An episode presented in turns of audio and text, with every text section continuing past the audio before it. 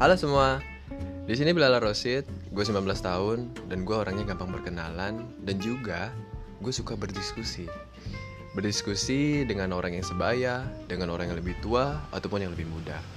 Karena gue ingin melihat dari sudut pandang dan mungkin ada pengalaman-pengalaman mereka yang bisa gue praktekkan atau bisa gue jadikan pelajaran sebagai bahan evaluasi gue.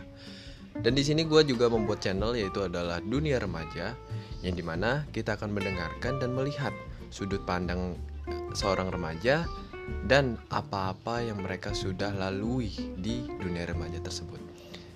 Di sini gue akan mengupdate selalu seminggu dua kali ya.